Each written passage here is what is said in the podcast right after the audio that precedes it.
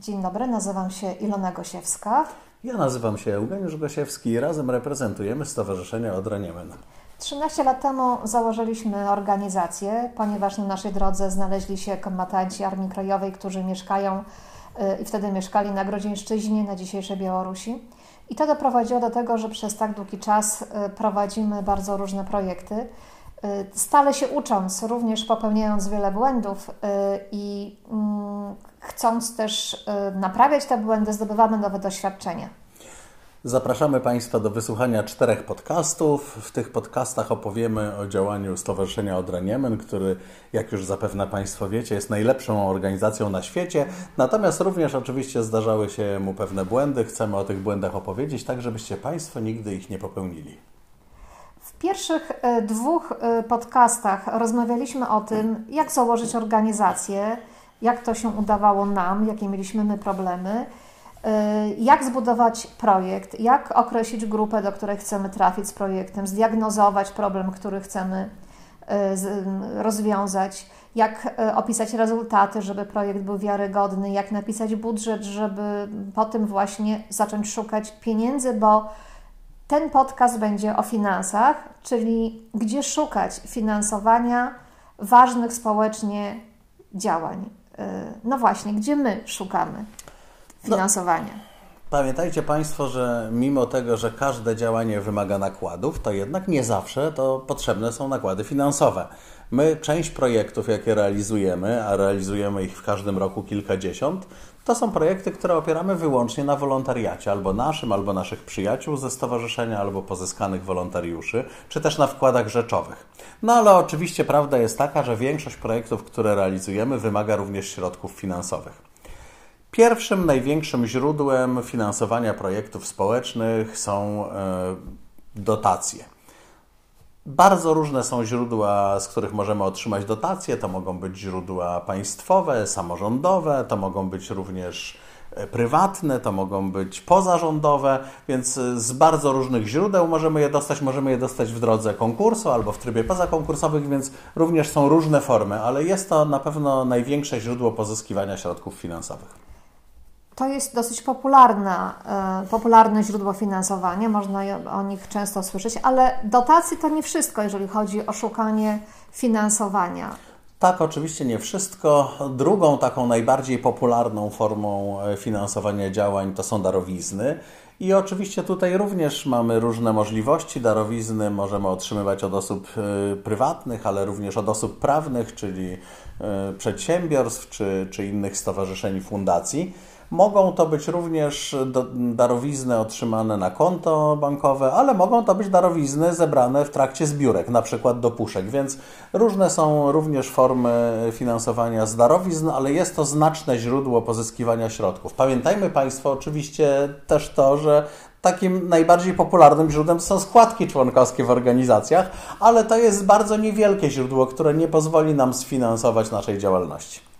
Jeżeli chodzi o Stowarzyszenie Odraniemen, który, którym kierujemy, mm, my prowadzimy różne aktywności, które doprowadzają nas do pozyskiwania funduszy i oczywiście startujemy w konkursach. Z każdym rokiem zdobywamy większe doświadczenie, więc łatwiej nam też i pozyskiwać dotacje, ale od początku szukamy różnych innych form y, takiego wzmocnienia finansowego i bardzo bardzo mocno angażujemy się w zbiórki. Takim naszym ważnym, y, ważną akcją są kwestie, które organizujemy w listopadzie na cmentarzach. Y, zbieramy sporo pieniędzy, na tyle, że pozwalają nam one y, potem wyremontować miejsca pamięci, czy zorganizować zaduszki kresowe, czy w jakiś inny sposób wspomóc te zadania, które, na które trudniej nam zdobyć dotacje. I to są ważne y, również w naszej działalności formy finansowania, ale to nie wszystko. Są jeszcze y, inne formy, trudniejsze, aczkolwiek dające dużą, duże możliwości finansowania naszych zadań. No, trudniejsze, ale również często wymagające dłuższego istnienia czy pewnych nakładów finansowych. Mm. Jedną z takich form jest e, pozyskiwanie 1% podatku od osób fizycznych e, i jest to forma, która jest przypisana jedynie do organizacji pożytku publicznego. To forma, która wymaga co najmniej dwuletniego działania na polu y, projektów społecznych. Y, opowiemy o tym za chwilę więcej. Można, słuchajcie, również y, finansować nasze działania z działalności gospodarczej, choć trzeba pamiętać, że aby działalność gospodarczą prowadzić, to również trzeba ponieść pewne koszty. Czyli mamy e, takie podstawowe, oczywiście one nie wyczerpują wszystkich metod finansowania, ale to są takie dosyć, dosyć standard, podstawowe formy finansowania. To są dotacje, darowizny, 1%, zbiórki, e, zbiórki do puszek e, i, działalność gospodarcza. I teraz zaczniemy może szerzej mówić o poszczególnych metodach. Zacznijmy od dotacji. Powiedz, takie podstawowe rzeczy, które są związane z dotacjami? No, przede wszystkim powiedzmy sobie o tym, jakie są źródła tych dotacji. E, po pierwsze, to są organy państwowe. Pamiętajmy, że to są ministerstwa, różne centralne urzędy, właściwie wszystkie organy administracji państwowej na szczeblu centralnym ogłaszają konkursy dotacyjne. Jedne robią częściej, tak jak Narodowy Instytut Wolności, na przykład inne robią rzadziej, ale właściwie w każdym w każdym instytucie państwowym czy w ministerstwie na szczeblu centralnym takie konkursy są. Drugi element to są samorządy. Samorządy na wszystkich szczeblach i samorządy gminne, i samorządy mm, powiatowe, i samorządy e, wojewódzkie, czyli urzędy marszałkowskie. To są wszystko organy, które ogłaszają konkursy dotacyjne i finansują zadania społeczne, więc również to, to duże, duże, na pewno drugie duże źródło, źródło finansowania. Trzecie to jest oczywiście organy Unii Europejskiej. Pamiętajmy, że Polska jest krajem w Unii Europejskiej, mamy prawo korzystać z unijnych środków. Bardzo wiele organów Unii Europejskiej ogłasza konkursy dotacyjne i to również jest źródło finansowania naszych pomysłów.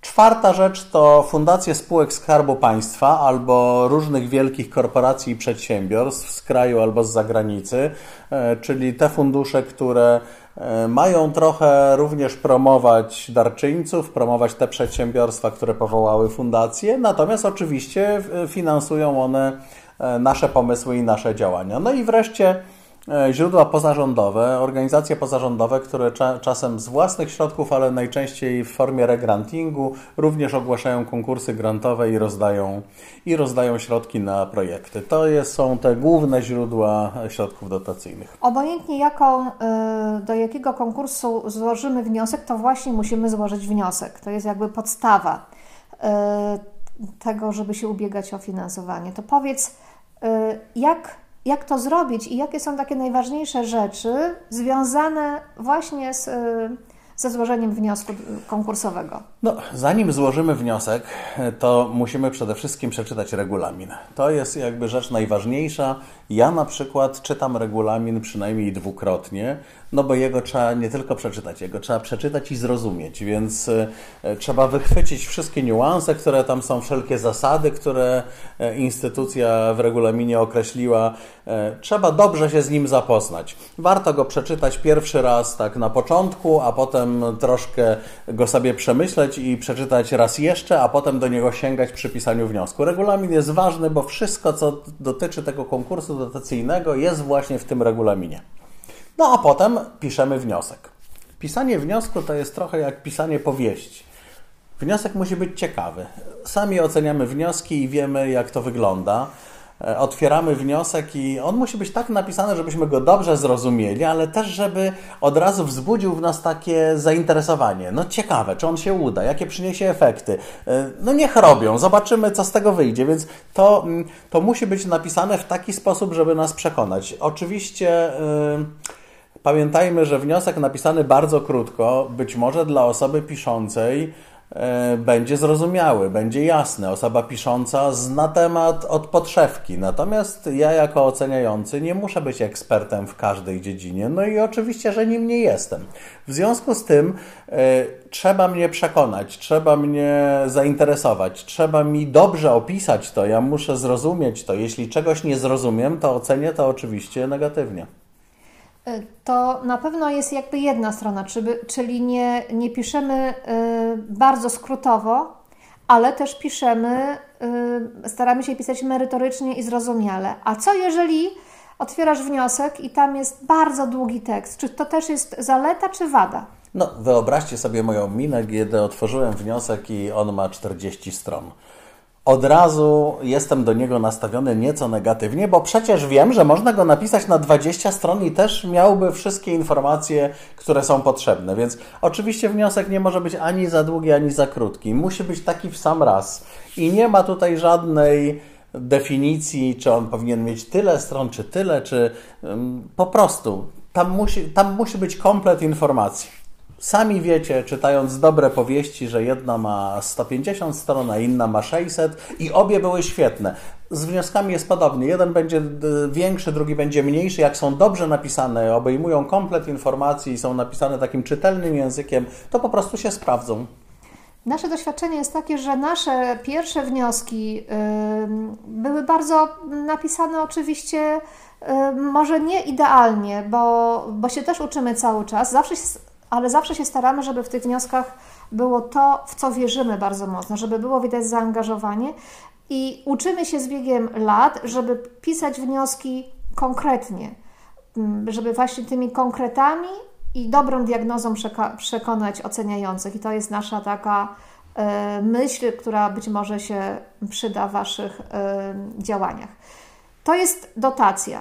Mm, sporo jest informacji w internecie na temat tego, jak napisać wniosek, sporo jest konkursów, ale to jest, y, jak mówiliśmy, pierwszy etap. Darowizny. Darowizny y, według nas są bardzo ważne i bardzo potrzebne dla organizacji. Na pewno tak. My otrzymujemy sporo darowizn, y, zarówno od osób fizycznych, jak i od osób prawnych, i każda organizacja pozarządowa ma taką szansę, żeby o te darowizny zabiegać.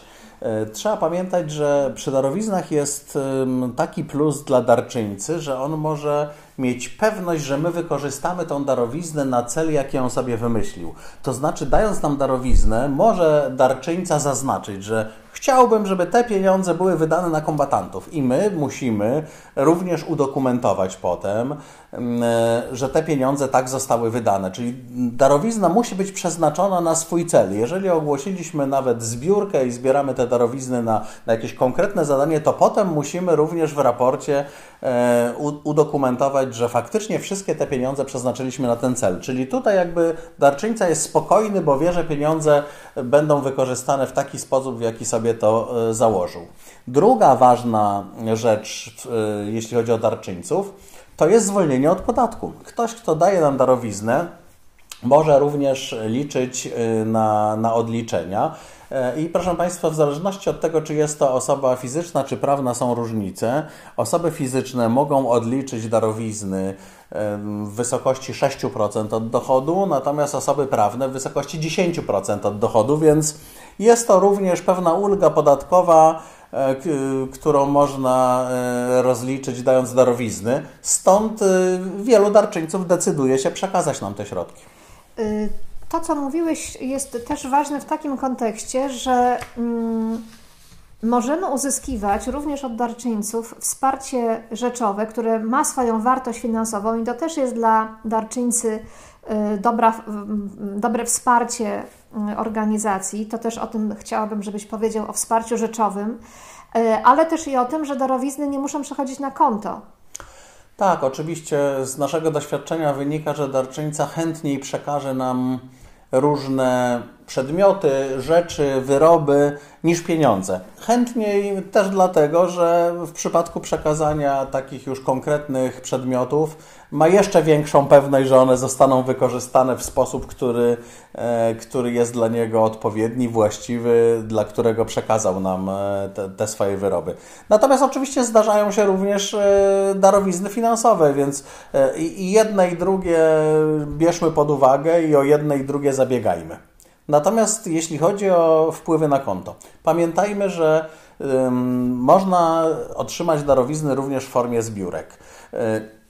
Wtedy jednak musimy zbiórkę zarejestrować, ponieważ y, w trakcie zbiórki nie jesteśmy w stanie powiedzieć, kto nam pieniądze podarował. One wpływają na przykład do puszek ustawionych w sklepach albo chodzimy i zbieramy tak jak my zbieramy na cmentarzach, czy zbieramy na ulicach do puszek, nie jesteśmy w stanie określić darczyńcy, no to wtedy zbiórka musi być zarejestrowana. Wchodzimy na stronę www.zbiorki.gov.pl i tam możemy zbiórkę zarejestrować, ale potem pamiętajmy, również musimy ją rozliczyć, ponieważ zbiórka będzie podlegała kontroli Ministerstwa Spraw Wewnętrznych. Ono jest odpowiedzialne za wszelkiego rodzaju zbiórki w Polsce i będzie naszą zbiórkę mogło skontrolować. To jest ważna część y, związana finansami. Transparentność, to znaczy, żeby y, w różnych miejscach informować o tym, y, co robimy i jak wydajemy nasze zebrane środki.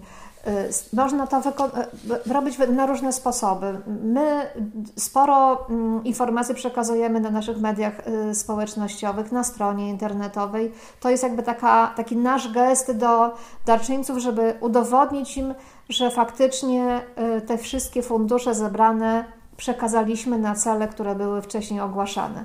Ale właśnie są też obowiązki z różnych instytucji i też trzeba pamiętać, że to są biurki publiczne, więc musimy je rozliczać. Nie jest to bardzo trudne, ale w głowie trzeba mieć, że y, czy to darczyńca prywatny, czy instytucja no to my musimy te zbiórki, czy te wpływy, czy inne finanse, czy dotacje rozliczyć y, i też przekonać innych, że jesteśmy wiarygodni.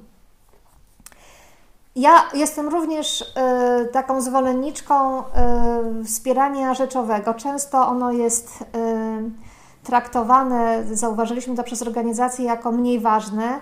My mamy takie doświadczenia, że przez wiele lat, jak mieliśmy trudną sytuację finansową, mieliśmy mniej finansów na naszych kontach, utrzymywaliśmy się dlatego, że mieliśmy olbrzymie wsparcie rzeczowe. Yy, również pod kątem wyposażenia biura, różnych narzędzi do pracy. Yy, ale i teraz, yy, mimo że zwiększyliśmy środki finansowe, to, to mamy mnóstwo różnych darów rzeczowych, które przyjmujemy zawsze z, otwartą, z otwartymi rękami, począwszy od małych artykułów biurowych, po busa, który też mamy darowany jako pomoc rzeczowa. A część z tych darów przekazujemy przecież naszym beneficjentom. A część przekazujemy, ale co jest jeszcze ważne, że dzięki darom rzeczowym możemy potem też płynnie przejść do uzyskiwania funduszy pieniężnych. Taką naszą wielką akcją są, tak jak mówimy tutaj często, rodacy bohaterom. Zaczynaliśmy od zbiórki darów i dalej to jest poważna część naszych działań, ale dzięki dobrze rozpropagowanej akcji, ale też i wiarygodnej, zdobywamy również fundusze finansowe coraz większe i to też się przekłada na pozyskiwanie darczyńców, więc zbiórki y, i otrzymywanie darów rzeczowych jest bardzo ważne. Tak, to prawda. E, powiedzmy w takim razie trochę o kolejnych formach. E, moi drodzy, 1% podatku dochodowego od osób fizycznych. Y, jest to forma finansowania przeznaczona dla organizacji pożytku publicznego. Musicie pamiętać, że aby stać się organizacją pożytku publicznego, to trzeba złożyć wniosek do sądu, do Krajowego Rejestru Sądowego o to, żeby sąd uznał nas za organizację pożytku publicznego.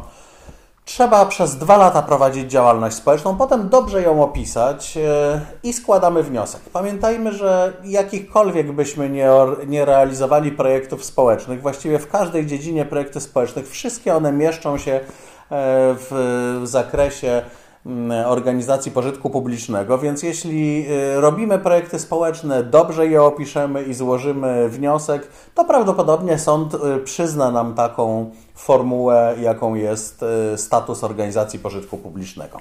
Ale status organizacji pożytku to nie tylko możliwość zdobywania funduszy poprzez różne akcje związane z 1%. To są też inne przywileje. Są cztery takie główne korzyści z tego, że jest się organizacją pożytku publicznego. Pierwsza z tych korzyści to mm, nieodpłatna, nieodpłatne reklamowanie organizacji pożytku publicznego przez media państwowe czy publiczne. Państwowa telewizja, państwowe radia mają ustawowy obowiązek, żeby organizację pożytku publicznego reklamować. Druga korzyść zwolnienie z niektórych podatków i opłat sądowych to jest dość istotne, ponieważ to zarówno podatek dochodowy od y, osób prawnych, podatek od nieruchomości, podatek od czynności cywilnoprawnych, czy też niektóre opłaty sądowe czy skarbowe jesteśmy zwolnieni jako organizacja pożytku. To duża ulga. Trzecia rzecz, nie jest tak łatwo zabrać nam statusu organizacji pożytku publicznego. Tak jak sąd nam e, tego statusu udzielił, to również tylko sąd może nam ten status odebrać. E, czyli takie sytuacje, które doskonale znamy, że czasem coś nam urzędnik jakiś zabrał, to tutaj nie mogą mieć miejsca, e, musiałoby być to przez sąd przeprowadzone. No i wreszcie czwarta korzyść, ta o której już mówiliśmy, 1% podatku dochodowego od osób fizycznych. To oczywiście bardzo fajna forma finansowania, choć pamiętajmy, że w 2020 roku na liście organizacji pożytku publicznego, które otrzymały wsparcie z tego tytułu, jest około 8700 organizacji i ta największa dostała kilkanaście milionów złotych, a ta najmniejsza, słuchajcie, 2 zł i 30 groszy. Czyli kolosalna różnica między tymi dochodami wielkimi i małymi z 1% zaledwie około 100 organizacji powyżej miliona złotych, czyli ogromną kwotę, natomiast 5600 organizacji poniżej 10 tysięcy złotych, więc kwota nieduża, choć oczywiście kilka tysięcy złotych to też jest fajna kwota na realizację jakiegoś projektu.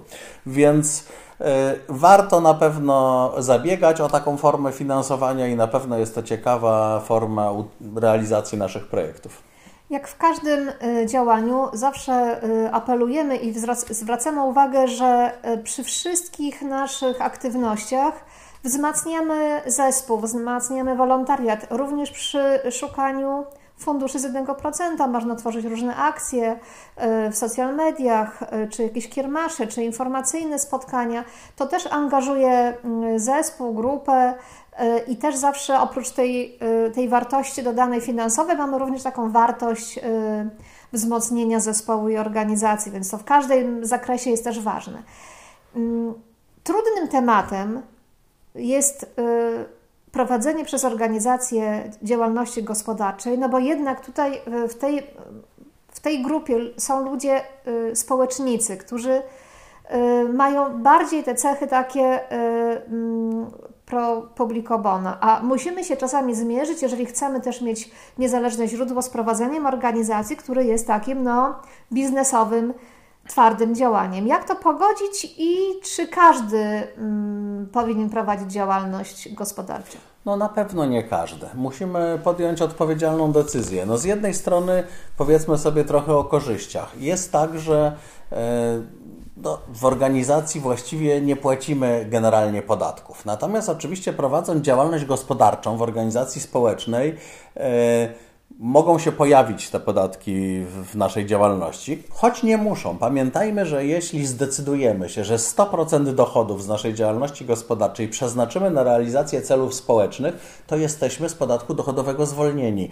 Czyli mówiąc krótko, wszystko co zarobimy przeznaczymy na realizację naszych projektów, to wtedy podatku nie płacimy. To jest na pewno fajna forma finansowania zadań. Natomiast, no, proszę Państwa, no, trzeba pamiętać o jednym. Jeśli prowadzimy działalność gospodarczą, to ona nie zawsze przynosi dochody. A co zrobić, jeśli ona przynosi straty? No jeśli przynosi straty, to rzecz jasna, musimy te straty pokryć z przychodów kolejnych naszych okresów finansowych, czyli straty za poprzedni rok pokrywamy w tym roku to może nam nie pomóc w prowadzeniu projektów. Wprost przeciwnie, to może nam zabrać pieniądze, które mieliśmy przeznaczyć na projekty. Więc jeśli prowadźmy tą działalność gospodarczą tylko wtedy, jeśli mamy pewność, że ona będzie przynosić dochody, bo jeśli ona będzie przynosić straty, to może niestety przeszkodzić nam w prowadzeniu działalności społecznej. Czyli muszą też być ludzie, którzy się znają na tym, którzy pomogą to poprowadzić. Yy... Tak, musi być świetny pomysł, musi być fajny produkt lub usługa, muszą być ludzie, którzy się tym zajmą. Y, jest też taka forma, która często jest yy, nie do końca zrozumiała i mało używana, to jest też y, odpłatna forma prowadzenia działalności statutowej. Tak, bardzo wiele organizacji prowadzi odpłatną działalność statutową. Ponieważ y, no, w przypadku działalności gospodarczej można ją prowadzić tylko na podstawie decyzji sądu. Natomiast odpłatną działalność statutową może prowadzić każdy. Niektórym wydaje się, że zamiast działalności gospodarczej nazwiemy to sobie odpłatną działalnością statutową i będzie dobrze. Ale to tak nie do końca jest. Proszę Państwa, na odpłatnej działalności statutowej nie możemy zarobić nawet 10 groszy. Odpłatna działalność statutowa polega na tym, że wprawdzie pobieramy opłaty od naszych beneficjentów, natomiast my nie możemy na tym zarobić. One mogą służyć tylko i wyłącznie po pokryciu kosztów. Części kosztów albo wszystkich kosztów, natomiast nie, nie może nam nic zostać z tych opłat. Jeżeli cokolwiek nam zostaje, to jest to już działalność gospodarcza. Jeżeli ją prowadzimy bez zarejestrowania tej działalności w sądzie, to oczywiście popełniamy przestępstwo czy wykroczenie, więc bierzmy to poważnie pod uwagę, bo to jest często sprawdzane. Szczególnie często sprawdzane jest, czy działalność odpłatna statutowa, którą prowadzą organizacje, nie jest przypadkiem działalnością gospodarczą, która powinna być już y, zarejestrowana, opłacana, no i wymaga już na przykład płacenia podatków. Mm, Natomiast oczywiście, jeżeli prowadzimy to solidnie, mamy to wszystko wyliczone, nie zyskujemy nawet złotówki, to możemy pokrywać koszty naszych projektów z opłat, które pobierzemy od uczestników zadań, czyli od naszych beneficjentów i jest to jak najbardziej dopuszczalne. Y, z naszego doświadczenia wiemy, y, jak ważne jest finansowanie organizacji. Y, Im więcej zbierzemy funduszy, tym mamy większe możliwości realizowania i rozwiązywania potrzeb, które do nas wpływają, na, na które odpowiadamy. I szukamy różnych źródeł. Jest takie sformułowanie dywersyfikacja źródeł finansowania. Trudne słowo, ale my już się do tego przyzwyczailiśmy. Powiedz, co to znaczy. I dlaczego jest tak ważne dla każdej organizacji? Dywersyfikowanie źródeł finansowania to jest uzyskiwanie finansowania z różnych kierunków. Załóżmy, że mamy świetne finansowanie dotacyjne z jednego urzędu czy z jednego ministerstwa. No a co w sytuacji, jeśli pomyliliśmy się w realizacji projektu, zrobiliśmy poważny błąd w rozliczeniu? Urzędnicy to zauważą i nie zechcą nam już nigdy dać żadnej dotacji, a my nie mamy innych źródeł. Nawet nie próbowaliśmy nigdy pisać wniosków do innych instytucji. To oczywiście będziemy mieli poważny kłopot. Ale Musi... nawet jak nie, nie zrobimy błędu, ale nasza oferta nie zostanie y, też oceniona pozytywnie. No tak, oczywiście, no ale zakładam, że składamy wiele ofert, że któraś tam przejdzie. No różne mogą być przyczyny, ale jeżeli mamy tylko z jednego źródła, to rzecz jasna jest to pewne ryzyko. E, natomiast e, my w ogóle mówimy, że dywersyfikacja to jest taki podział finansowania, który zapewnia nam środki nie tylko ze źródeł dotacyjnych. My finansujemy organizacje z projektów dotacyjnych, z darowizn, z 1%, z działalności gospodarczej. Szukamy bardzo wielu różnych form ze zbiórek po to, żeby z każdej z tych form jakiś procent naszego finansowania spłynął. Może się okazać, że będzie taki rok, w którym nie dostaniemy dotacji. Co wtedy? No my sfinansujemy się wtedy z darowizm, ze zbiórek, z 1%, z innych źródeł. Każdy powinien sobie zdywersyfikować te źródła tak, żeby mieć pewność, że zawsze będzie mógł swoje działania finansować. Ale obojętnie, y, gdzie będziemy szukać tych funduszy, to jakby bazą y, jest ta oferta, czyli ten nasz pomysł, ten nasz projekt, ten nasz y, opisany wniosek.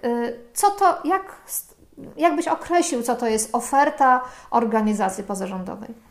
No, oferta to jest taki, taka nasza wizytówka. My powinniśmy pokazać to, co nas wyróżnia, opisać naszą organizację, pokazać, jaki my mamy pomysł, w jaki sposób postrzegamy problemy naszych y, przyszłych beneficjentów, czyli tych uczestników naszych zadań.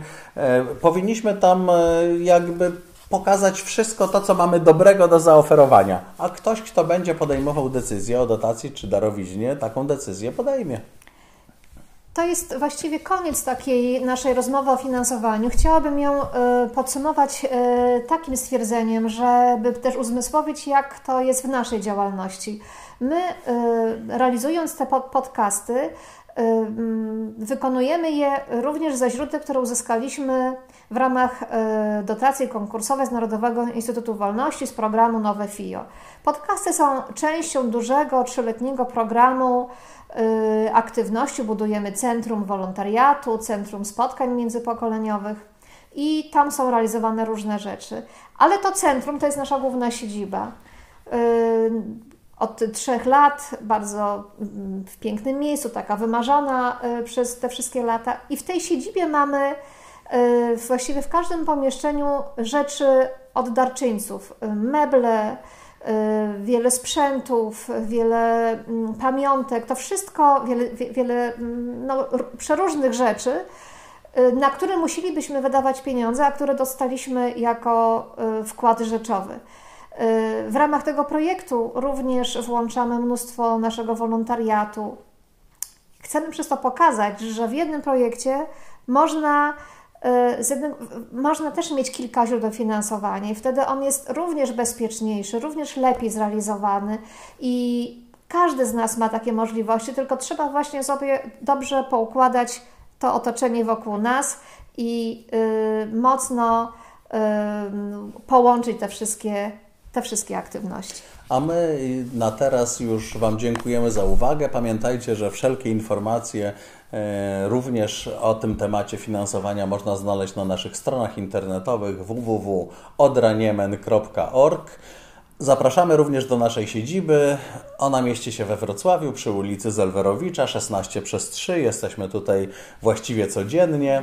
Mamy również, pamiętajcie, oddziały na terenie całej Polski. Oprócz Wrocławia to są nasze oddziały Podlaski, Wielkopolski, Małopolski, Mazowiecki, Lubelski, Opolski, Podkarpacki. Mamy również wspaniały, świetny oddział za granicą. Młodzi Polacy w Lwowie prowadzą oddział Stowarzyszenia Odra Niemen. E, wszędzie e, bardzo mocno Was zapraszamy, a na dzisiaj już dziękujemy Wam za uwagę. Do widzenia. Do widzenia.